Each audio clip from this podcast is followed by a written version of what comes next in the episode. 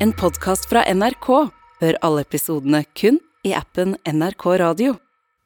Nå skal det bli artig med språksnakk, lille tuppa. Ja, da får vi lært noe i dag òg. Nuskelusken, og det er bra for oss, ikke sant, huppepupp?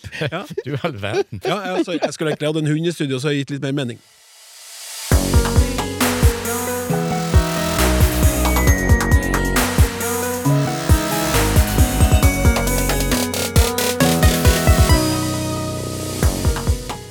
Hvorfor har vi kjælenavn på kjæledyrene våre? Er uttalen av bokstaven R på vei bort i østlandske dialekter? Fins det noe godt norsk ord for walkout? Og hva er egentlig greia med mus og gris?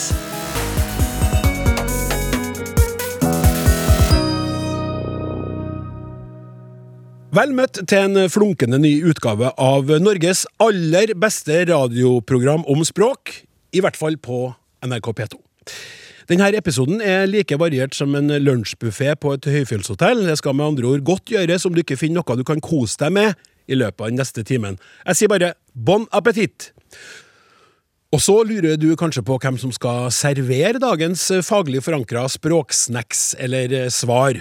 Sammen med meg i Studio 13 på NRK Tyholt i Trondheim så sitter Anne Mette Sunde, som eh, til daglig jobber på Institutt for lærerutdanning ved NTNU.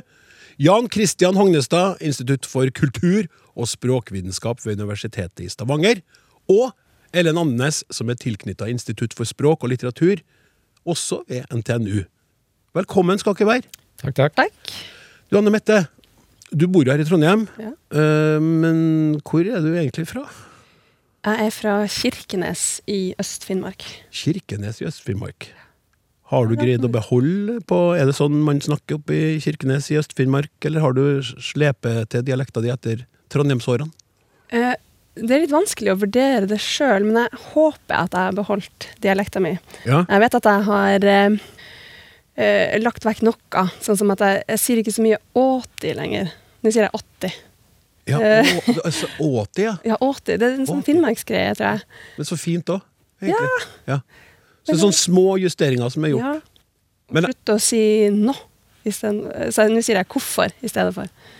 Før sa jeg bare 'nå', og så skjønte alle hva jeg mente. Men det var det ikke alle i Trondheim som gjorde. Nei, Så eh, jeg har for eksempel skjønt ingenting av det du sa først nå. det er interessant, for for meg er det så sjølsagt at 'nå', det betyr jo 'hvorfor da?' Ja. Eh, Så 'nå' og 80, dem tror jeg er borte.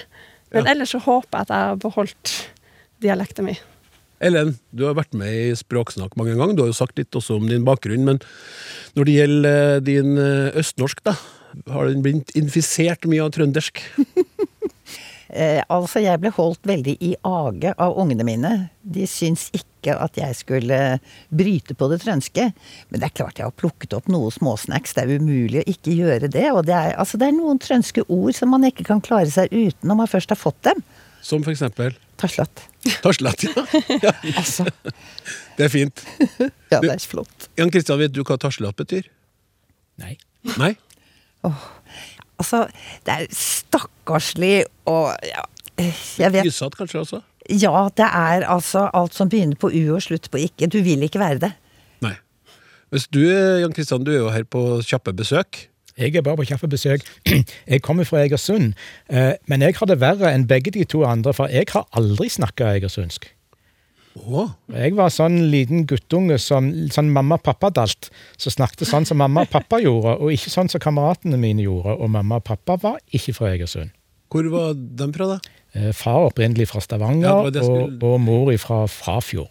Ja. Så, men fikk du høre det av de andre ungene i gata, at du ikke snakka som dem, eller? Nei, eh, det er vel mer meg sjøl som lingvist som har konstatert at jeg ikke har den egersundske grammatikken. Eh, jeg snakker ikke om den boka, som det heter i Egersund. Jeg sier den boka, som er mer stavangersk eller sånn generell rogalandsk. Så det er mer sjølkritikk, tror jeg. Skjønner jeg. Takk, da vet vi det. Når vi har hørt de fine stemmene deres, så kan vi komme i gang, da.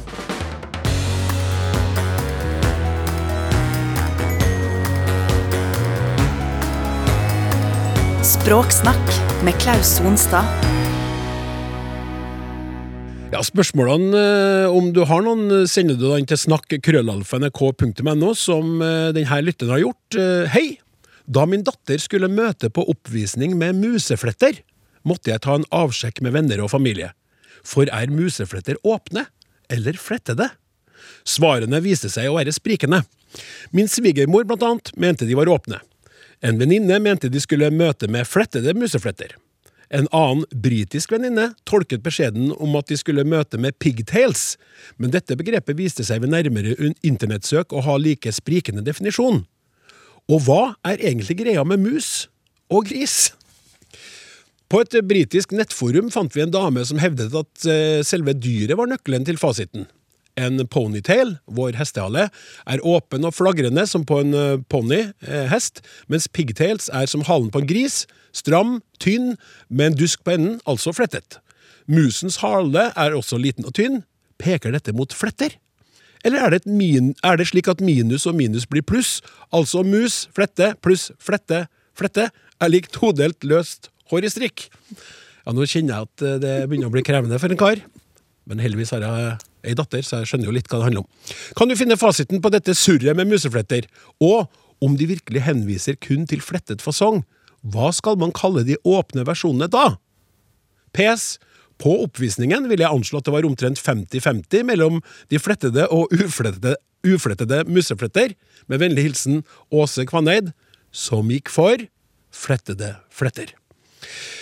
Oh, da var jeg gjennom den her eh, artige, men krevende, vil jeg si, eh, e-posten fra vår kjære lytter. Ellen? Ja, altså, dette var ikke lett. Nei. Virkelig. For det, til og med ordbøkene er uenige om musefletter. Bokmålsordboka sier at de kan være enten flettet eller ikke flettet.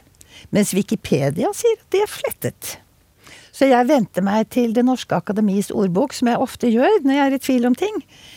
Og der står det at en museflette er en kort og tynn flette, eller, står det, især nå, hver av to hårbunter som er samlet på hver side av hodet med strikk, uten å være flettet.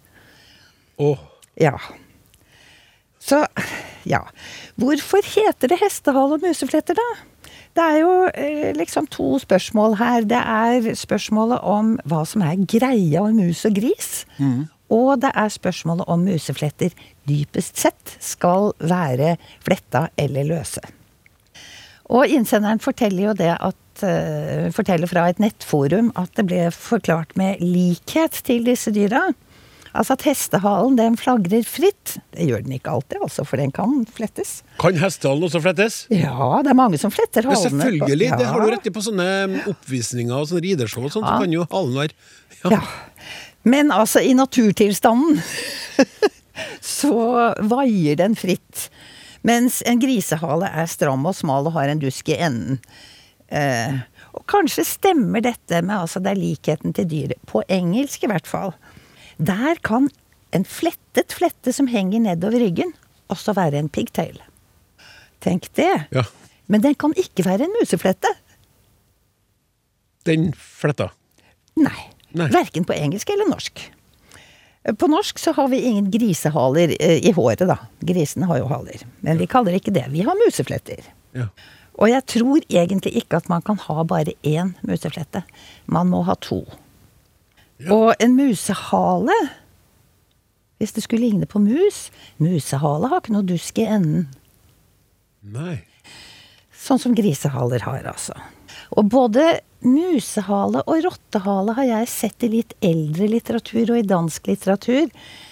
Brukt om musefletter, eller det vi nå kaller musefletter. Men det tror jeg ikke brukes lenger. Jeg har bare lest det. Jeg har aldri hørt noen si det. Men det er jo det at rottehaler, de er ikke søte. Det, det kan være den rottehalen som dukka opp Du vet på en sånn frisyre som var en periode. Ja. Som, eh, som man hatt eh, Ja. Da var det gutta òg som hadde Ja. det. og Så hadde man en sånn kort frisyre, men så hadde man en sånn lengre eh, bak. Og den ble kalt rottehale. Det er sant. Den, var, den ble kalt rottehale, og det var vel også i en periode hvor et forbløffende antall eh, norske mennesker holdt rotte hjemme. Akkurat, Ja. Kjælerotte, altså. Eh, men vel. Dette gikk over. Begge delene gikk over. Det er bare noen veldig få mennesker som syns at rotter er søte. Det kan komme eh, e-post fra dem nå. Det kan det. Det kan det. Og altså, ja, er man glad i noen, så syns man stort sett at de er tiltrekkende. Men altså, vi syns at småjenter skal være søte. Og det er først og fremst småjenter da som har musfletter. Og det ordet får oss ikke til å tenke på noen uønskede gnagere, tror jeg. Eh, Men det er jo litt forvirrende, forvirrende da, for man skulle jo tro at en flette måtte være fletta. Men altså, vi får se. Som Naob sier, så er musefletter de er mindre og tynnere enn andre fletter. Og vi kan lage sammensetninger med muse for å si at noe er lite. Vi kan gå med museskritt, eller vi kan ta bare en liten musebit. mm, sant? Og da har vi kanskje fått svar på da hva som er greia med mus og gris. Har vi det? Ja, tenker at vi har det, og så syns jeg det var et godt poeng nå at hvis det er da små, små jenter sant, som har musefletter, så har jo dem, dem er jo de er mindre, og de Ja. her uh, buntene med hår er jo ikke så store heller, da. det ja, vel, det, dette kan man Ja, okay. Dette kan man diskutere, men er Men så var det det med Er de flettet eller ikke flettet? Eller er det noe krav der? Og dette var jo vanskelig, så jeg gikk til litt andre språk for å se om jeg kunne få klaret det opp. Og da eh, fant jeg ut at både hestehale og ponnihale og musefletter Det fins i tysk også. I tysk har man rattenschwänze. Rattenschwänze? Ja, det må være rotte, det. Ja, Ganske riktig. Men slik jeg har forstått det, så er det da ikke fletter. Men bare en løs tust på hver side. Og dette i motsetning til zöpfe, som er fletter enten i bakverk eller i hår. Det er, altså det er orden på det i tysk.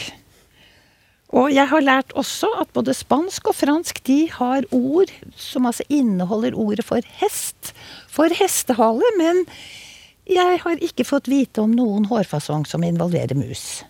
Eller rotter. Ingen hjelp å få der, altså. Nei. Nå nå begynner jeg å bli spent. Ja. Fant du noe ut av det? det nesten- Ja. ja. du- Har du Gjorde jo det, vet du. For da jeg tenkte her kommer språket rett og slett til kort, så jeg gjorde et billedsøk på nettet. Og det ga veldig tydelige resultater. Hestehaler er alltid åpne. Mens musefletter Kan vi få trommevirvelen nå? Kan være enten flettet eller åpne. Åh, 50-50 altså! Ja. Som på oppvisninga! Der var det jo 50-50 som anslo mellom fletta og ufletta musefletta. Perfekt! Ja. Så altså, neste gang noen sier du skal komme med musefletter, spør. ja. Hvilke musefletter er det snakk om? Fantastisk, Ellen. Takk skal du ha. Uh, Anne Mette, du sitter hvis du snur deg litt. Hva har, ja, nettopp. Du har altså en flette, en flott flette i håret i dag. Det er da ikke en hestehale du har. Nei. Nei, du har ei flette. Ja. Ja, Og det er heller ikke en museflette. For det er en stor, flott flette bak. Ja, og den er stor og tykk, og, Ja, så da og sier det er man, bare så ja. sier man 'for en fin flette du har'. Ja. nettopp. Nå, nå, nå sier jeg de berømte ord. Vi går videre i programmet. Mitt navn er Vegard, og mitt favorittord det er 'fineste heis'. Den har jeg fått fra bestefar, som vi har tatt med videre. Og det betyr at dette går bra, dette er tipp topp, god stemning. Fineste heis.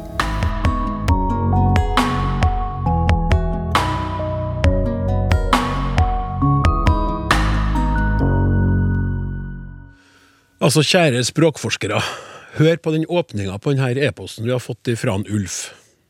Elskede språksnakk!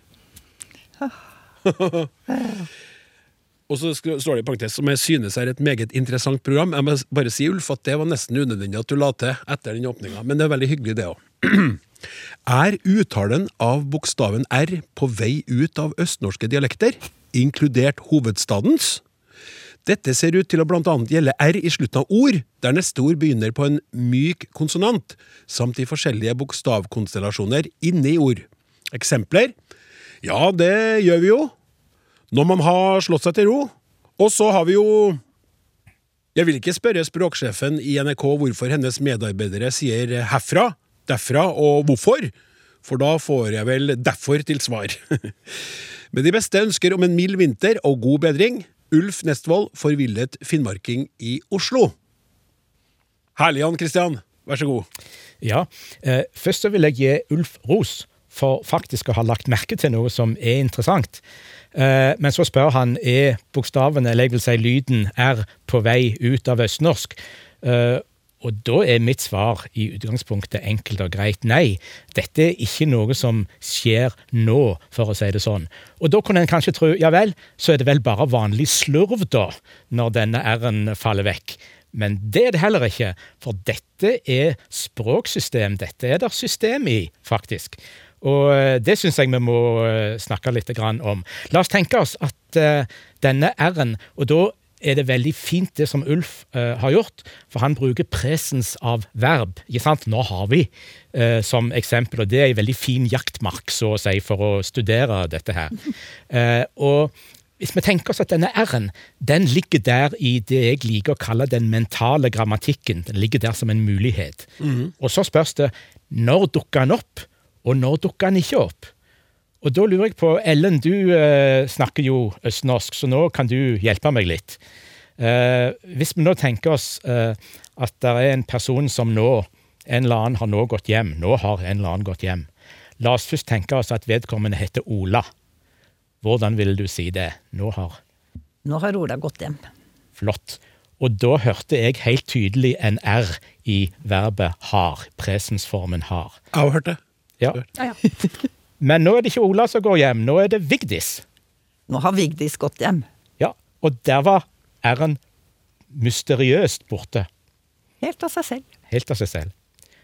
Og eh, da eh, må vi si at eh, grunnen til at R-en var der med Ola, det var at eh, hvis ikke den hadde vært der, så hadde to vokaler kollidert med hverandre. Og av en eller annen rar grunn så liker vi ikke det. Og da går R-en på jobb med en gang, og er der. Eh, Her er jeg! Ja, ikke sant? Reddende engel. Men eh, når det ikke skjer en sånn eh, eh, vokalkollisjon, da kan R-en få fri. Og dette er et helt flott system, altså. Det er ikke slørv, det er språksystem. Og så vil jeg si veldig artig at Ulf la merke til dette, for det vanlige er faktisk det motsatte. At folk er helt overbevist om at de uttaler denne r-en. Fordi han er der i den mentale grammatikken, og fordi vi er så vant med å se han i skrift. En kollega av oss fortalte en gang at en mann hun snakka med, påsto hardnakka. Han uttalte alltid disse r-ene, og han var østnorsking, akkurat sånn som du, Ellen. Uh, og hun syntes ikke det hørtes veldig lurt ut. Og rett etterpå så skulle de ut og kjøre sammen. Og når tida for det eh, nærma seg, så så han på klokka si, og så sa han 'nå kjører vi'. Uten R. Og da motbeviste han eh, det han nettopp hadde sagt. Så mange tror at de uttaler denne R-en, men de gjør det egentlig ikke. Skulle jeg få lov å legge til en ting til? Og vi blir jo alltid litt selvopptatt her. Eh, jeg er jo rogalending, som vi sa innledningsvis, og jeg har jo nesten ingen sånne r-er. For eh, hvis jeg skal bøye og kjøre, hva gjør jeg nå? Jo, jeg kjører. Og spise, hva gjør jeg nå? Jeg spiser. Sånn at det fins dialekter i Norge som aldri så godt som har denne r-en. Men har du den mentale r-en eller er den borte til deg? Eh, jeg, jeg, har faktisk en r i, i, sånne kortverb, akkurat sånn som har og gjør. Da ligner nok jeg på Ellen og på det som Ulf har hørt. Men i andre verb eh, så har jeg ikke eh, en sånn r. Og da får det bli en uenighet blant språkforskere om den fins mentalt, eller om en hos meg, stakkar, ikke er der i det hele tatt. Takk.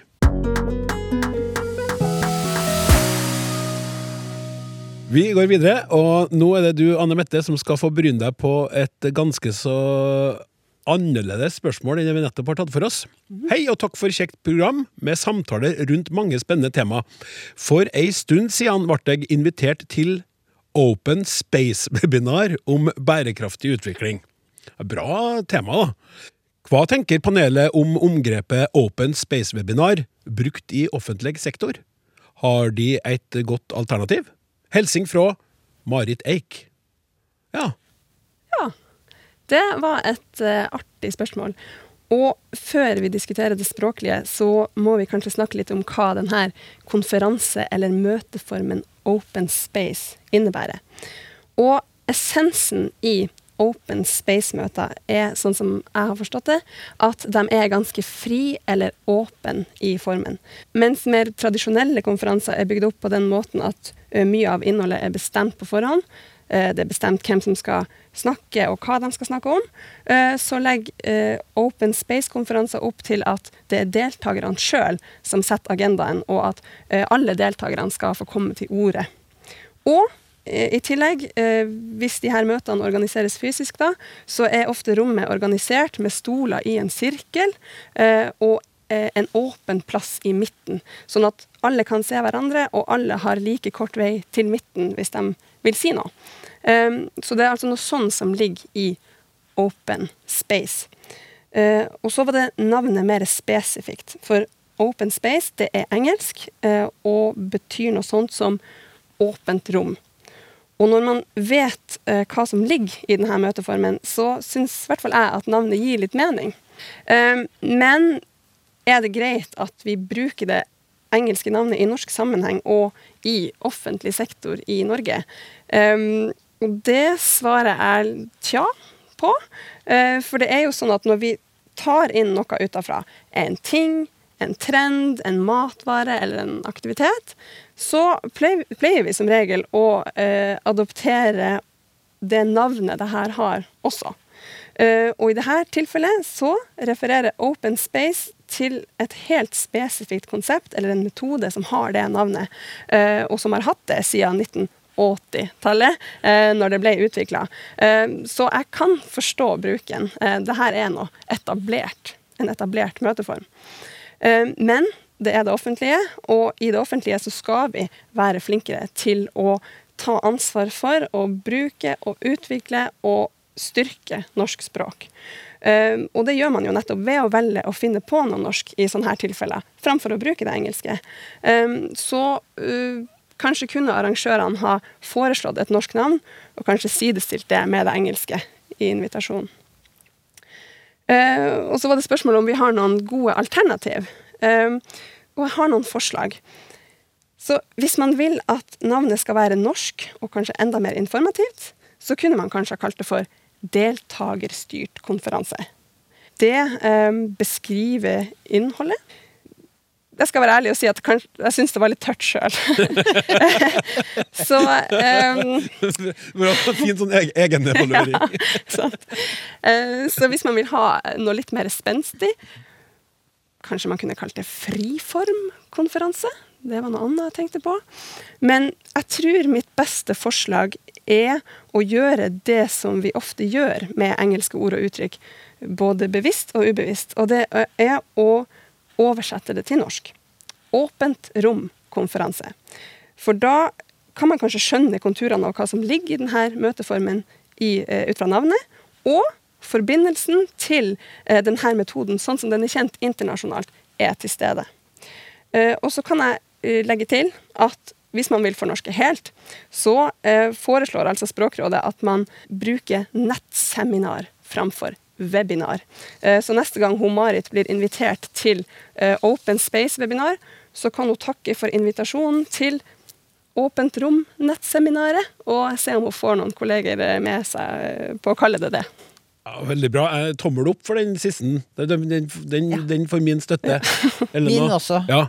Jan Christian og Nikke. Ja. Eh, Her sitter jo vi i et åpent rom. Ja. Vi sitter jo i en Ja, ring, vi.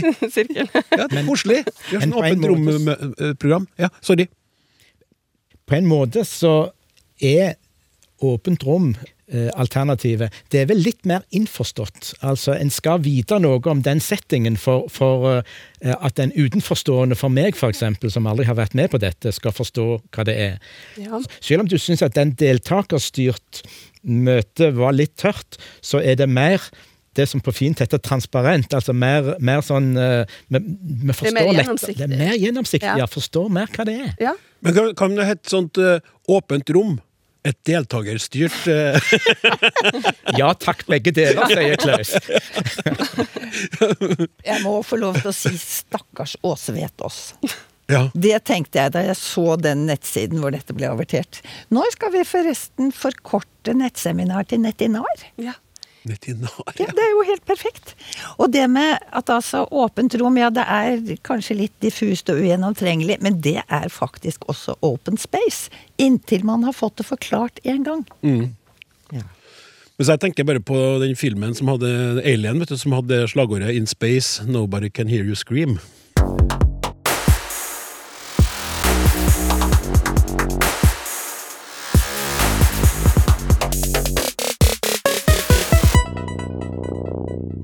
I forrige episode av Språksnakk så snakka vi eh, blant annet om preproprielle artikler. Eh, han Klaus, hun Ellen. Eh, han Jan Christian, hun Anne Mette må ta med dere alle nå, følte jeg, for at ellers så ville jeg blitt urettferdig. Fått et par e-poster knytta til det. Hei, Språksnakk. I dag sa dere at preproprielle artikler som eh, N og A, Ola, A Kari, ikke er så vanlige på Sør- og Østlandet. Dette fikk meg til å stusse. Jeg hører dem brukt i dagligtalen hele tiden her i Nord-Odal. En rask telefonsjekk til naboen. Et ektepar først i 60-årene bekreftet min oppfatning.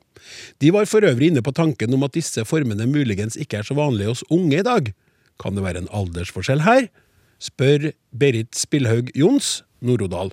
Og så en liten eh, hyggelig e-post fra Arne. I Sykkelvenn sier de 'na Arne'. Man snur på det.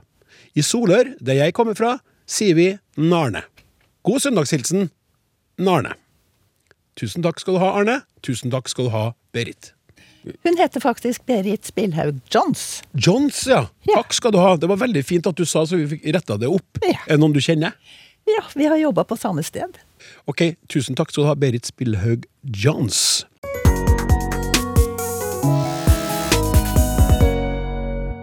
Hei! Jeg er stolt eier av en hund, som nå har blitt fire år gammel. Forleden var jeg ute og luftet hunden, hvis navn er Hassel, med mine to tantebarn på 10 og 13 år. I løpet av denne turen kom vi i snakk om et fenomen vi alle tre syns er både underfundig og koselig. Når vi snakker til hunden, eller alle hunder, da tenderer vi mot å bruke uttrykk og kallenavn som lille tuppa, nusj, nuskelusken osv. Jeg bruker ofte tuppa eller lille tuppa, og mitt tantebarn på ti tenkte seg om og kom frem til at hun ofte sa nuskelusken. Hun på 13 pleide å kalle deres hund for Nushi. Nei, Nusj. Jeg husker min far pleide å si til hunden jeg vokste opp med sjappi-sjappi, nuppe eller huppepupp. Alle har vi også den karakteristiske kosesnakklyden à la babyspråk i større eller mindre grad når vi snakker til hundene. Lille tuppa, nusj, nuskelisken, kom nå, nuskelisken! Vi kom videre frem til at dette er ord eller kallenavn som vi ikke bevisst tenker oss frem til, har lest eller er blitt enige om. De bare skjer. De kommer momentant ut av det blå, når vi klapper hunden eller roser den, eller når vi snakker til den, til den om eksempel mat. Nå skal det bli godt med litt mat, Nuppe. Eller man sier det mens man klør det bak øret. Ja, det var godt, ja, nuskelusken. Det skjer i møte med disse ordløsende vesenene vi omgir oss med, og i høy grad kommuniserer med, uten den felles forståelsen av ord. Jeg har ellers merket meg fra filmer og serier at i USA sier de ofte til hunder setningen Who's a good boy? Who's a good girl? Som en slags hilsen. Slik sier man jo aldri på norsk, så vidt jeg har hørt. Hvor kommer disse uttrykkene fra? Hvordan oppstår de? Hvorfor? Takk for et herlig program. Hilsen Ragna, trønder i 30-åra, bosatt i Drøbak. ja, Ellen, du kan få start på det her. Det var Artig e-post, det her òg. Ja, hjertelig takk til Ragna, for dette er et tema jeg er glad i. Eh, og altså, ja, mange, men langt fra alle, koseprater med sine egne dyr. På samme måte som vi gjør til småbarn. Og noen gjør det også til andres dyr. Og da er det, det er koseord, og det er kosestemme. Det er vanlige innslag. Det er vanlig eh, i det som kalles, som i forskningen kalles child directed speech. Altså språk som er rettet til barn. Og akkurat det har faktisk en funksjon. Altså Vi signaliserer at vi er vennlig innstilt og ikke farlige når vi legger stemmen litt opp. Ja, så- Og det gjør vi. Eh, og når vi overdriver intonasjonen, så blir den tydeligere. Og når vi prater med eller til dyra våre, så gjør vi altså noe av det samme. Og da eh, fins det forskning om det som kalles pet directed speech. Altså en pet, det er jo et kjæledyr, men altså det går også for hest, så man behøver ikke tenke at det er liksom skjødehunder. Eh, Men språk som er spesielt rettet mot dyr som vi har temmet og omgir oss med. Mm. Det er liksom ikke tigre og elefanter og sånn, tror jeg da. Men det kan, bare unnskyld, jeg skal kort inn. Kan det være, altså hvis du har en kjæleskilpadde, så er du glad i den, òg. det sånn som du steller med hjem, jeg for meg, eller en undulat, eller en Så vi hadde to skilpadder da jeg var barn. Ja. Gamlemor og NSB. Hva het de, sa du? Het? Gamlemor het den ene, og så NSB het den andre. NSB var det gamle statlige togselskapet. Ja, nettopp. Ja. Ja. Vi snakket ikke sånn til dem. nei, nei. Så vidt jeg kan huske, da. Men nei, hukommelsen er jo en forræderisk ting. Ja. Men altså Det viser seg at både hunder og hester, dette, også dette har vi forskning på, de reagerer mer positivt på sånt språk, altså lysere stemme og vennligere tonefall, enn de gjør på vanlig språk som er rettet mot voksne mennesker. De, eh, de reagerer da med å være mer oppmerksomme. Ja. Og eh, gir også en bedre respons på f.eks. kommandoer da, eller feedback som vi gir, gir til dyra. Så det gir altså rett og slett mer effektiv kommunikasjon å snakke på den måten. Og vi bruker også da kortere setninger, og vi gjentar oss selv mer når vi snakker til f.eks. til voksne mennesker. Men hovedsaken er jo at altså, ordene er ikke så viktige. De kan, det kan gjerne være nonsensord, som jo innsenderen eh, skriver om. Men det er de kroppslige sidene ved språket, det er de som har kommunikativ effekt. Ja, nå etter at vi har hatt pandemi, veldig mange mennesker har kjøpt seg hund, og det også har vært mye på TV med hundetrening og sånn, så tror jeg ikke et menneske har kunnet unnslippe å se hundeeiere på tur med bikkja si som sier bra! Altså, ikke sant? Veldig lys toneleie og veldig overdrevet Hvis noen bare er ute og lufter mannen sin og sier 'bra'! Opplever du det ofte? Nei, nei, jeg gjør ikke det. Var, det var- det var umulig å ikke si det når du sa det der. Men altså, lytteren spør jo også hvor disse eh, koseorda, hvor de kommer fra. Og jeg tror at de konkrete orda, de oppstår ganske spontant. Og så blir det en vane. I språket rettet til småbarn og til dyr. Eh, Jeg merker meg at mange av innsenderens ord minner om nusselig. Og det kan jo tyde på at vi bygger på et felles forråd, da. Og jeg syns jo også at hennes eksempler de tyder på at her har vi en familievane. Altså, det kunne ikke ramle meg inn å kalle noen av mine hunder det som hun kaller sine, og hennes nieser. Uten at du rangerer som noe galt. Bare, det, det Nei, er nei, fjernt nei. for deg. Det er helt fjernt for meg. Ja. Eh, Hos oss kaller vi dem andre ting. Men eh, så er det jo også det at vi setter ord på det vi mener hunden fornemmer. eh, Eller opplever. Sånn som 'Var du så sulten?' Ja, det var godt, ja. Og når det gjelder det engelske eksempelet, 'Who's a good boy then?' eller 'good girl' eventuelt, så er jo det fordi de gjerne kaller bikkjene sine for gutter og jenter. Så eh, i norsk vil det tilsvare noe sånt som 'Du, så fin hund, da'. Ja. Ja. ja. Og altså, jeg syns det er et poeng at vi snakker med hundene våre. Vi behandler hunder og småbarn som samtalepartnere. Og det er en måte for mennesker å ha det hyggelig sammen på. Rett og slett. Altså, vi er, vi er samtaleorientert. Det er det vi driver med, veldig mange av oss. Nå høres det jo ut som alle mennesker er like. Jeg mener ikke det. Nei, skjønner. Ja, eh, jeg var litt opptatt av noe som Ragna sa, og som du òg var inne på, Ellen. For hun sa dette bare skjer, disse ordene. Det kommer momentant ut av det blå. Og Dette høres jo veldig sånn improvisert og, og kanskje ikke så viktig ut. Men jeg tror faktisk at her ser vi en liten flik av noe som er virkelig stort i språk. Og det har jeg lyst til å ta et lite sånn sidespor uh, om, i tillegg til det som, som du sa. Det er nemlig sånn at vi synes å ha en forkjærlighet med mennesker for å konstruere språk ved å gjenta akkurat de samme språkelementet flere ganger. Vi hørte nuskelusken og sjappi-sjappi i uh, eksempelet her. Um, Puppepupp. Ja, ikke, ikke minst. Ja. Og eh, da tenker jeg, nå begynner vi hos de små, nå begynner vi hos bitte små barn. For når vi ligger så å si på stellebordet og øver oss i å bli språklige, eh, så gjør vi dette, det kalles på fint så for reduplikasjon. Vi gjentar det samme elementet, og på stellebordet så driver vi med reduplisert babling. Og det har jeg hørt mye av. Eh, ba, ba, ba, da, da, da. Eh, og også eh, Jeg har to gutter hjemme, da. Og Fint at du sa det. Det, er ikke, ja, det er ikke samboeren min, eller Nei. Um, og Hvor, hvor gamle er de, da? um, han ene er tre, og han andre er ett. Og han um, eldstemann, når han var uh, ett, ett og et halvt, så fikk han seg en sykkelhjelm. Og den kalte han for uh, Jæ-jæ. Og uh, han som er ett nå, han har lært seg å si tiss, og det kaller han for ti-ti. Og så går han rundt og sier uh, Dodo og Mimi, men uh, det vet jeg ikke helt hva betyr ennå. Og da kunne en kanskje tro at dette er noe sånn spesielt som småbarn driver på med, men det er det altså absolutt ikke. Så vil jeg peke på en ting til som vi gjør i sånne sammenhenger, og som lytteren vår var inne på. For det var jo ikke nuskenusken, det var nuskelusken. Og det vi da gjør, det er at vi tar en konsonant, tar den vekk foran vokalen og setter inn en annen konsonant, og så lar vi resten være uforandra, og dermed lager vi oss et rim.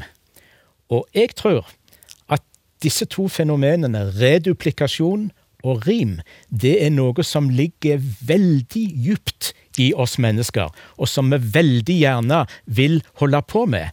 Eh, og det kan være delvis svar på hvorfor-spørsmålet til Ragna. Eh, hvorfor eh, skjer dette her? Det er en sånn tilbøyelighet som vi mennesker har.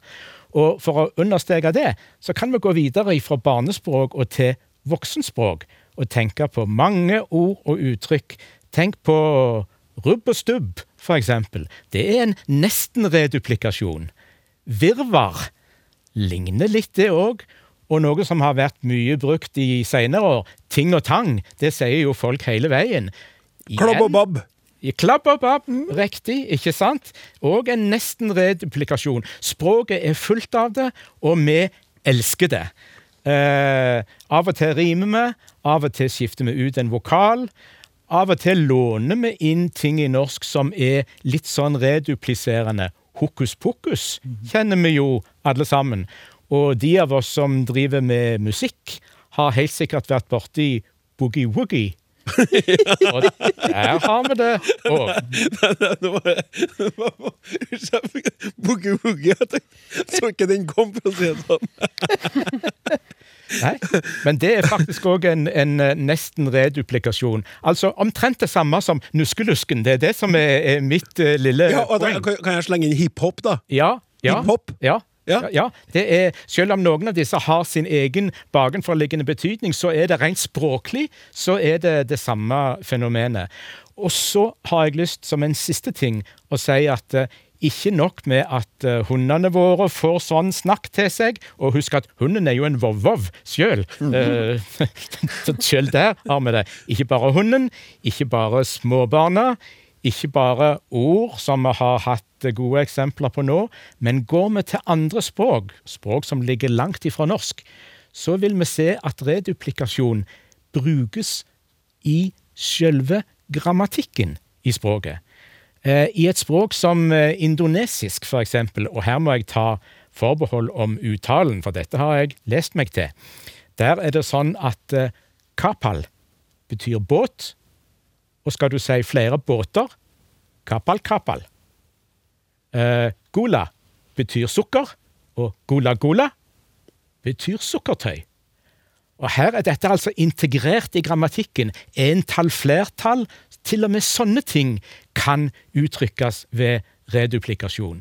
Og tilsynelatende så er jeg nå håpløst på viddene i forhold til Ragna sitt spørsmål, men mitt poeng er at det som disse kjælenavnene eh, forteller oss, det er noe som er stort og gjennomgående i menneskelig språk, og som derfor, tror jeg altså, ligger djupt, djupt, djupt i oss mennesker. Altså, Hvis du var på vidda nå, så mener jeg at den leirplassen der man sitter og koser med hundene sine og snakker luske-nuske, er rett attmed. Ja. Så da skjønner var du, så du tok en liten tur, men leir, leiren eh, med Ja. kjæledyrene er rett ved. Ja. Kjempebra. Tusen takk, alle tre. Og hils dine to små fra oss med for at dere med og til Språksnakk. Da Språkesnakket bakke lakke lakke. Ja.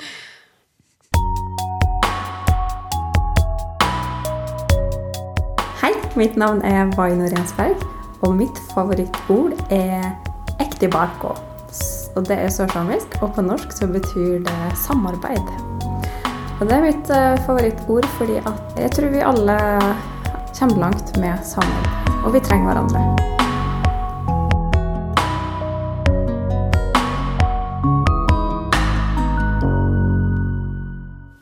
Du hører på Språksnakk, og i Språksnakk så svarer vi på spørsmål fra lytterne. De sendes inn til snakk.krøllalfa.nrk.no. Og nå skal vi ta for oss eh, et spørsmål som handler om et hotell i Oslo, av alle ting. Der du må hjelpe meg litt, Ellen, på, på to punkter. om du skjønner Jeg er klar. Ja, fint. Hei, Klaus og Språksnakk. Vi er to damer som språksnakker på bussen mot Stordalens nye Art Deco-hotell i Oslo. Vi er begge overbevist om at det skal uttales Sommerro. med trykk på første vokal, sånn som i Sorgenfri. Vi har derimot begge vært i diskusjoner med andre som mener det skal uttales eh, sommerro, eller sommerro, nesten som det var en orddelingsfeil. Hva mener ekspertene er riktig? Varm novemberhilsen jeg kom for litt siden det spørsmålet fra Ingeborg Mork Knutsen, som også har spurt Språksnakk tidligere og fått svar, faktisk. Jan Christian, vær så god. Ja, eh, og her kan det faktisk være tvil. Eh, og eh, når jeg ser ordet, så tenker jeg at det kan både være sommerro, sommerro og sommerro. Eh, og det har jeg lyst til å si litt mer om. Eh, sånne navn er sammensatte ord. Det er jo ei stor gruppe med ord eh, i språket. Og sånne ord er det litt sånn generelle uttaleregler for. Og hovedregelen er nok at det er den første delen som har trykket. Eh, vi kaller den for utmerkingsdelen. Uh, altså Hvis du tar et ord som peisvarme, så er det peis som forteller hva slags varme det er. Det er utmerkingsdelen. Og varme, uh, det er grunnleddet i sammensetningen. Og det er sjefen i sammensetningen å bestemme hvilket kjønn det er, hvordan ordet bøyes, og sånne ting. Og da skulle en jo tro at det var òg det siste sjefleddet som hadde trykk. Men det er det ikke. Det er som regel det første leddet.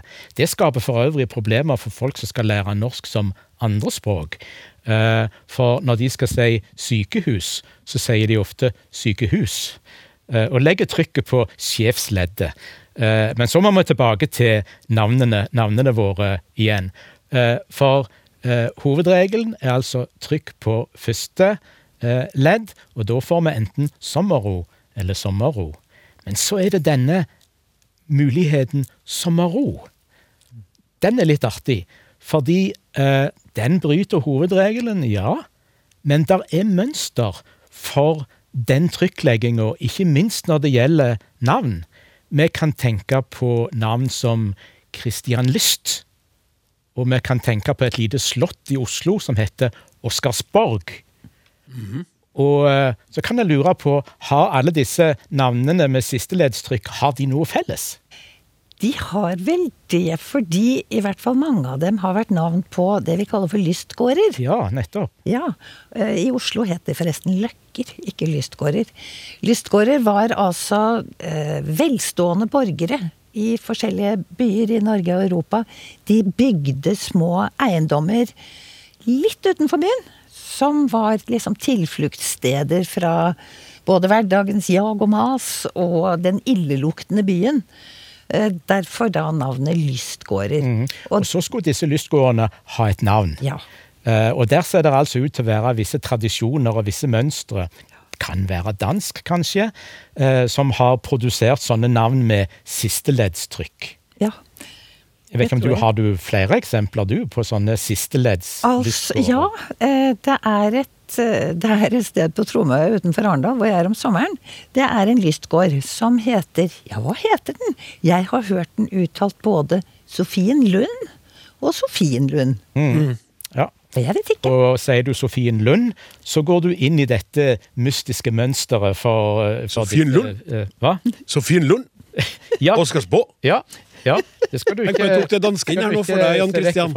Eh, faktisk så er der, eh, kan eh, navneforskerne fortelle, en tendens til at når førsteleddet i disse navnene slutter på visse konsonanter, sånn som R, så er det en større sjanse for at ordet får sisteleddstrykk. Det er jo ganske merkelig. Oi. Eh, og så kan vi kanskje òg si at i sånn stor historisk sammenheng så er ikke disse navnene supergamle. Det mener vel du òg, Ellen. Disse lystgårdene de kan ha både 100 og 200 år bak seg, men ikke så mye mer enn det. Nei. Så kanskje er dette noe som har kommet inn i, i språket relativt seint, men det fins eldre navn òg med sisteleddstrykk. Eh, universitetet som jeg jobber på, eh, ligger på en haug som heter Ullandhaug. Men så er der i min heimby Egersund en liten haug, og tror du ikke at den heter Spilderhaug? Med siste leddstrykk. Og eh, er vi på et eh, nes, så har Sandnes, bynavnet, trykk på første ledd, men alle kjenner jo Lindesnes, Ja. med trykk på siste ledd. Så noen sånne eksempler eh, finner vi, men eh, eh, når det gjelder spørsmålet til lytterne, så må vi si at skal dette hotellet uttales som ro, så må det være for å få det inn i denne litt spesielle lystgårdtradisjonen i språket. Eventuelt så kan dere da, Ingeborg, ta kontakt med sjølveste, altså Stordal sjøl, og høre hva han sier om hotellet sitt. Språksnakk hver fredag i appen NRK Radio.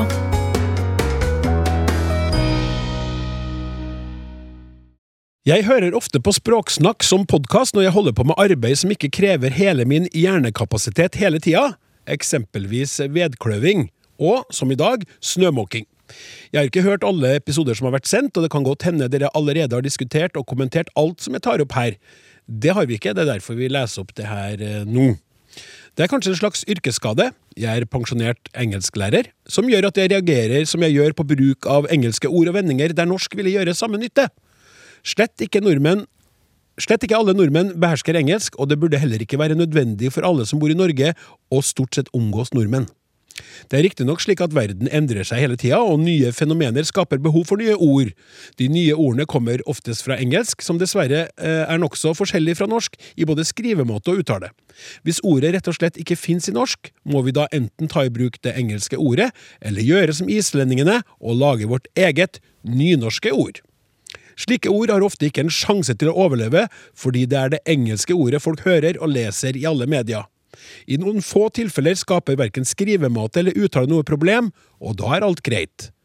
Men enkelte ting forundrer meg stadig. For eksempel, hvorfor sier de aller fleste app når ordet skrives app? Det er vel ingen som sier applikasjon, som app er en forkortelse for, antar jeg? Jeg stusset forresten selv da jeg for kanskje så mye som et år siden for første gang så ordet teppe ved kassa på den lokale Coop Extra-butikken. Straks gikk det opp for meg at det var det engelske ordet tap som var fornorsket med en bokstav som mangler i engelsk. Da ble jeg både overrasket og glad, men jeg har ikke inntrykk av at den norske skrivemåten har slått an så godt, og spør meg selv hvorfor. Å tappe er noe helt annet. Vi trenger æ-en i dette nyordet. I avisen Nordlys kunne man denne uka lese at en ny gate var åpnet på Tromsø lufthavn. Etter et mikrosekund forsto jeg naturligvis hva som var åpnet, altså en gate. Ordet lufthavn ga ordet en sammenheng, men ville min gamle far ha forstått det rett om han hadde levd? Og i går, tror jeg det var, kunne en NRK-medarbeider fortelle at forhandlingene om en miljøavtale gikk trått, og at det hadde vært en fare for en walkout fra enkelte fattige land. Dette ordet ville min gamle far helt sikkert ikke ha forstått. Men hva kunne NRK-medarbeideren ha sagt på norsk? Utgang fungerer fint for gate, bortsett fra at en gate fungerer både som utgang og inngang, men ordet dekker ikke helt når det er noen som forlater et lokale fordi de er misfornøyde. Utmarsj er kanskje bedre, men personlig tenker jeg på Steinkjersandene 1970 når jeg hører dette ordet. Det er jo, Han var i militæret der, da, sikkert. Et annet ord er utvandring, men det var noe nordmenn gjorde i stort antall for mer enn 100 år siden. Fins det et norsk ord som har samme meningsinnhold som det engelske ordet walkout, og som ikke gir mulighet for misforståelse? Med hilsen Kjell Sigmund Aasen, Bardu. Ja, det her var ikke uh, lite av en uh, e-post, Anne Mette. Nei. Du får svar som best du kan. Ja, skal prøve. Ja. Her var det eh, mange interessante observasjoner om engelsk i norsk, og eh, engelske lån, som vi kan kalle det. Eh, og vi kan jo starte med hvorfor vi sier app og ikke app. Eh, og svaret er nok at i stedet for at app er en eh, forkortelse for norsk applikasjon, så er det nok heller en forkortelse for engelsk application. Så vi har rett og slett lånt inn den engelske forkortelsen app når vi snakker om de her eh, programvarene med de små ikonene som vi laster ned til eh, datamaskinene og mobiltelefonene våre. Og man kan selvsagt bruke eh, det norske ordet applikasjon, og så uttale forkortelsen app. Eh, og det er det nok noen som gjør også, men jeg tror eh, de fleste bruker app, eh, og kanskje langformen application. Um, Ja, og jeg tror jo at eh, det norske applikasjon, det tror jeg er et ord som er i ferd med å avgå ved døden. Eh, Jeg tror applikasjon kommer til å få samme skjebne som automobil. Det, det blir bare Ja. bil og app som blir igjen, eh, og dermed så blir det mønsteret med kort A, det blir vekke. Jeg er helt enig med deg. Og app eh, hører jo da til ei sånn lang rekke med ord og uttrykk innen datateknologi som vi har eh, lånt inn fra eh, engelsk i de siste årene. Og eh, så vil det variere litt hvordan man uttaler det. Eh, legger man seg tett på den engelske uttalen, eller bruker man eh, en mer norsk uttale basert på skrift? Og sånn er det med mange ord som vi låner inn. Sant? Det varierer hvordan vi uttaler dem. Um, men eh, til slutt så vil jeg på akkurat dette punktet så vil jeg nevne for innsenderen at forkortelsen app også er normert, altså tatt opp eh, i ordboka, og at man kan velge om man vil skrive app eller app med æ. Um, så den engelske forkortelsen er fornorska i skrift. Eh, så da uttaler man det i tråd med det som nå er offisielt vedtatt norsk skrivemåte, hvis man sier app, eh, selv om ordet er fra engelsk. Så det eh, tenker jeg får være en liten trøst. Ja. Um, og så var det teppe, og det er eh, et ord som er lansert av BankAksept som det nye ordet for sånn kontaktløs betaling, der du bare legger kortet opp på terminalen uten at du drar det eller stikker det inn i maskinen. Så vi tepper kortet. Og det her teppeordet har vi jo også lånt inn fra engelsk, eh, og så er det lansert med en fornorska eh, skrivemåte med æ. Ja, nei, så eh, har lytteren bemerka seg at teppet med æ ikke er så etablert i skrift enda. Og det inntrykket har jeg også. Folk skriver teppe med a, altså tappe, på samme måte som de skriver app med a. Eh, og det at vi velger engelske skrivemåter, det skyldes nok at vi vet hvordan ordene skrives på engelsk. Og når vi vet det, så er det lett å bare skrive det på samme måte når vi bruker de her ordene eh, i norsk. Eh, men man kan altså skrive app, og på sikt så blir kanskje også teppe med æ normert i skrift. For ifølge retningslinjene for normering av importord, så står det at engelsk kort A, som uttales æ, skal norvagiseres til norsk A eller æ i skrift ut fra hva som er dominerende i uttalen eh, i norsk. Så da blir det nok kanskje et teppe med æ i norsk på sikt. Men ja, det er mer eh, snacks her. Ja, så, og til slutt så var det spørsmålet om walkout. Og walkout kan bety forskjellige ting. Eh, Det kan bety å gå ut, eller å gå i streik, eller som her, å trekke seg fra noe i protest, eller å forlate noe litt brått. Eh, Og lytteren spør da om det fins et norsk ord som betyr det samme, og som man kanskje kunne ha brukt i stedet. Eh, og jeg vet ikke helt om det fins et eget ord for det, men løsninga her for meg er ganske åpenbar. Hvis det man vil er at det skal være norsk og forståelig. Og det er rett og slett at man bare kunne sagt noe annet. Så i stedet for å si at det er fare for walkout fra enkelte land, så kunne man sagt at enkelte land truer med å trekke seg fra avtalen eller samarbeidet. Ja. Eh, det er norsk, det er godt forståelig, og spør du meg, ei langt bedre formulering. Eh, og det tipper jeg de fleste er enig i, også denne aktuelle nyhetsredaksjonen i eh, NRK. Og selv om de etterstreber å bruke et klart og forståelig språk, så er det sikkert sånn at der, som mange andre steder, så går det litt fort i svingene noen gang, og så blir det litt enkle og ikke godt gjennomtenkte løsninger. Veldig bra. Det var det vi rakk i Språksnakk denne gangen. Tusen takk til Anne Mette Sunde, Jan Christian Hognestad og Ellen Andenes. Tekniker var Martin Våge. Produsent Hilde Håbjørg. Jeg heter Klaus Sonstad. Vi snakkes!